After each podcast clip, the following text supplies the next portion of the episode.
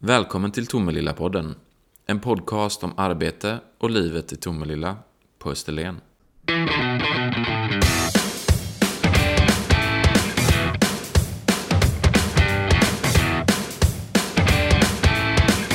Så välkommen till Tomelilla-podden Ingrid Järnefelt.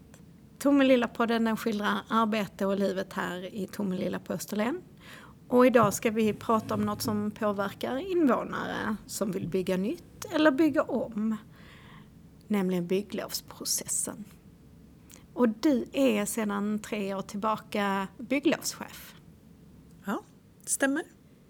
Så jag skulle egentligen vilja börja fråga dig Alltså det kan ju tyckas lite onödigt kanske att man behöver ansöka om bygglov. För jag äger tomten, jag äger huset, det kanske inte finns några grannar.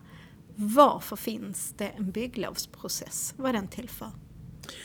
Ja, bygglovsprocessen, man kan ju tro att det är något nytt att man ska söka bygglov. Det är många som klagar på det, att det är modern byråkratisering. Men bygglov, eh, att be om lov för att få bygga någonting, eh, det har vi haft så länge vi har haft samhällen. De tidigaste skrifterna om bygglov går tillbaka till eh, 1200-talet, till Magnus Erikssons landslagar till exempel. Så det är inget nytt. Och att vi har, att man ska få lov, be om lov innan man får bygga, det har nog mycket med samhällsbyggandet att göra därför att det påverkar andra runt omkring hur jag bygger. Och sen påverkar det, det kan påverka säkerhet och klimatfrågor. Eh, alltså bygger jag på ett sånt sätt att, eh, att jag inte släpper ut onödigt mycket energi. Men från början tror jag att det handlade väldigt mycket om att man byggde på rätt plats. För man fick inte bygga var som helst. Man fick inte bygga på samfälld mark till exempel. Utan man fick bara bygga där det var utpekade hustomter. Och så är det ju idag också. Man får bara bygga där det är utpekade hustomter. Och sen har det också varit reglerat hur man får bygga. Eh, också i landslagarna fanns det reglerat eh, hur stora hus det skulle vara, hur många hus man fick bygga. Det var reglerat hur ofta man skulle byta taket. Byggnadsnämnden gjorde mm, granskningsronder en gång om året var man ute och tittade på hur det var byggt och man följde lagstiftningen. Tidigare hade man brandsyn, två gånger om året var man ute och granskade om skorstenar var byggda ordentligt så att det inte det skulle tända eld och bränna ner hela byar. Så om man känner att bygglovsprocessen är något nytt och att det har blivit komplicerat så är det snarare tvärtom? Ja, precis. Alltså det är ju mycket enklare idag att söka bygglov. Tidigare var det också så att lagen var ju formulerad så att man kunde överväga att ge bygglov. Idag är det ju ändrat så att om det finns en detaljplan till exempel som styr hur mycket och hur man får bygga och uppfyller man då de kraven så ska man ha sitt bygglov. Så att idag är det mest en fråga om att eh, man ser till att man uppfyller de kraven som finns på det man bygger och då får man sitt bygglov inom detaljplanerat område. Sen är det många som tror också att, eh, eller man tycker att ute på landet spelar det väl ingen roll men det finns ingen byggrätt egentligen ute på landet överhuvudtaget. Utan det är en fråga för prövning. Och det gäller framförallt bostäder. Sen finns det lite undantag. Så att om man har en lantbruksfastighet och man bedriver aktivt lant eller skogsbruk då får man lov att bygga komplementbyggnader, lador och sådana saker utan bygglov. Men allt annat är bygglovspliktigt. Alltså om man tittar internationellt, har Sverige en krånglig bygglovsprocess? Nej, det har vi inte. Vi har en väldigt enkel bygglovsprocess. Om man jämför med hur det ser ut i eh, övriga Europa och övriga världen så det här reglerna att man inte får bygga utan bygglov det finns överallt i hela världen. Och vi har en eh, väldigt enkel byråkrati att ta sig igenom. Det är mycket långsammare att söka bygglov i Tyskland eller i Holland eller i Belgien eller USA för den delen. Så att vi har det, vi har det väldigt bra i Sverige.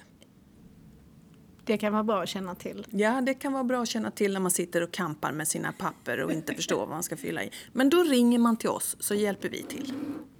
Kan man säga att det finns en standardiserad bygglovsprocess och hur ser den ut i så fall? Ja, eh, bygglovsprocessen är ju standardiserad för den följer samma mall över hela landet. Och den går ju ut på att man börjar med att göra sin ansökan Eh, och sen lämnar man in den och sen tittar vi på den. Eh, saknar vi någonting så skickar vi ut en begäran om komplettering. Eh, och sen när vi har alla de papper som vi behöver så går vi igenom projektet. Är det så att vi får in en ansökan som inte uppfyller gällande krav så i Tomelilla så arbetar vi så att då kontaktar vi fastighetsägaren och så får man möjlighet att ändra. Då hjälper vi till och är rådgivande och berättar att ja, men om ni gör så här istället, då kan vi bevilja bygglov. Så att målet i Tomelilla är att vi ska ha så få avslag som möjligt. Men, och för att komma dit så hjälper vi då till och berättar hur det ska vara utformat för att man ska få sitt bygglov. Det låter jättebra att se som en hjälp och att man kan få rådgivning istället för en motpart. Ja. Och jag, jag, tror faktiskt att det är uppskattat. Man får ju inte så ofta positiv feedback. Oftast eh, hälsan tiger ju still. Vi får ju höra om någon är missnöjd men inte så ofta när folk är nöjda. Men i Tomelilla får vi faktiskt ganska ofta positiv feedback. Det är jätteroligt att jobba i Tomelilla på det sättet. Ja, vad kul. Hur många kollegor är det som finns? Vi är ju fyra stycken som hanterar bygglov och byggande och startbesked. Allt som har med byggandet eh, före bygglov och sen den tekniska processen sen innan man får lov att flytta in. Så att vi är inte så väldigt många här. Vad tror du det beror på att just ni i Tomelilla här får positiv feedback? Om det är ovanligt om man ser till landets bygglovs ja, jag vet inte, det finns säkert fler som får positiv feedback också. Nej, men jag bara tänker som myndighetsutövare att yeah. man, när man jobbar på kommun så är man inte så bortskämd med positiv feedback. Eh, nej, men vi har jobbat systematiskt med att, eh, att ändra vår process här. Så att vi har, vi har en lista med tidstjuvar som vi jagar. Och sen har vi jobbat med bemötande. Vi tycker det är viktigt att folk känner sig välkomna. Och vi, eh, ja, vi visar att vi tycker att det är roligt om folk kommer hit och vill bygga. Det tycker vi är jättekul. Ja, vad bra. Vad, vad kan det vara för tidstjuvar som ni har jagat bort? Ja, bygglov... Eh, papp, det är mycket papper. För det första gäller att hålla ordning på papperna. Eh, och sen är det mycket brev som går fram och tillbaka. De flesta ansökningar som vi får in är inte kompletta så att vi måste begära in kompletteringar. Och då gäller det att hålla ordning på var den här pappershögen är någonstans. Så att, eh, administrationen ska ju ta hand om inkommande papper. Och om de inte hittar akterna så måste de springa runt och leta. Så att vi har ordnat ett system som, där det finns bestämda platser för var alla våra ärenden ska finnas någonstans. Och där har vi sparat jättemycket tid. Sen har vi också infört ett system att vi går igenom alla Eh, alla inkomna ärenden går vi igenom en gång i veckan och eh, kontrollerar med en gång om det behövs eh, kompletteringar. Och då skickar vi ut ett brev omedelbart med en checklista så att man har en punktlista där man vet exakt vad det är man ska skicka in. Ehm, sen är det ju det är inte så lätt när man söker bygglov. Ofta så bygger man ju till exempel hus bara en gång i sitt liv om man överhuvudtaget bygger någonting. Och det är väldigt många beslut som ska fattas. Så att, och det är väldigt mycket facktermer som har eh, laglig bindande verkan. Så att vi har ju väldigt mycket facktermer i våra papper som vi skickar runt. Så att vi får ju mycket samtal på ja, men vad är det ni har skrivit här. Vad är det för någonting jag ska skicka in? Så får man hjälpa till och förklara vad olika saker betyder och var man ska få tag på dem. Har du något råd så här till förstagångsbyggare? Ja, eh, vi, vi, har, vi har på vår hemsida och det är många andra kommuner också runt omkring här ser jag att det, eh, det står ungefär likadant på våra hemsidor nu. Vi har checklistor till exempel på vad man behöver, lite beroende på vad det är för ärende man ska göra. Så man behöver det, det ja men det bästa rådet är nog att skaffa sig bra hjälp. Därför att de flesta kan ju inte bygga själva. Så att man behöver skaffa sig en väldigt bra byggare som ska hjälpa till. Och sen finns det, sen tio år tillbaka ungefär, så är det lag på att man måste ha hjälp i form av en kontrollansvarig som ska hjälpa till och se till att det blir rätt byggt. Så att en bra kontrollansvarig är bra att ha i fickan. För kontrollansvarig är bygg, byggherrens konsult. Det är min hjälp och hjälp en person som hjälper mig att hålla ordning på vilka papper jag ska skicka in och när de ska skickas in och hur de ska se ut. Så det är väl en bra byggare och en bra kontrollansvarig. Och sen att man tar ut de här checklistorna och sen att man frågar sig fram. Och att ni finns där som hjälp. Ja, vi finns där. Vi har ju, vi har ju infört också då att vi har telefontid alla dagar mellan 10 och 12 och här införde vi också drop-in. Så att på telefontid kan man komma och knacka på utan att ha bokat tid. Eh, och då, vi hjälper till. Det kan hända att man blir avbruten då av ett samtal men man är välkommen i alla fall. Bara man har tålamod att sätta sig ner. Som idag till exempel har vi haft lång kö hela förmiddagen och det har ringt hela tiden. Det är vår när vi spelar in det här så det är kanske så att våren är er högtid. Ja, det är lite så. Nu var det varmt i helgen och det är många som har varit ute i trädgården. Och då har man kommit på att ja, ja, men eh, ja, här i det här hörnet skulle det nog kunna stå en liten friggebod eller ja, vi kanske behöver bygga ett litet uterum till oss eller någonting. Så att eh, det, märks när det börjar bli, eh, när det börjar klia i fingrarna att man gärna vill ut med såg och spik och hammare. Då får vi fullt upp. Men vilken bra möjlighet att kunna få snabba svar, att droppa in här och ställa frågor. Mm. Ja, jag tror att det är väldigt uppskattat.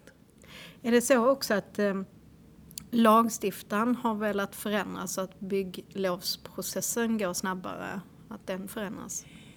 Ja, alltså den här ändringen som gjordes 2010, hela syftet med den översynen var att göra det enklare att bygga. Men det har inte blivit enklare därför att eh, man hade ju en översyn på 90-talet också när man tog bort till exempel kontrollansvar och lite sådana här saker.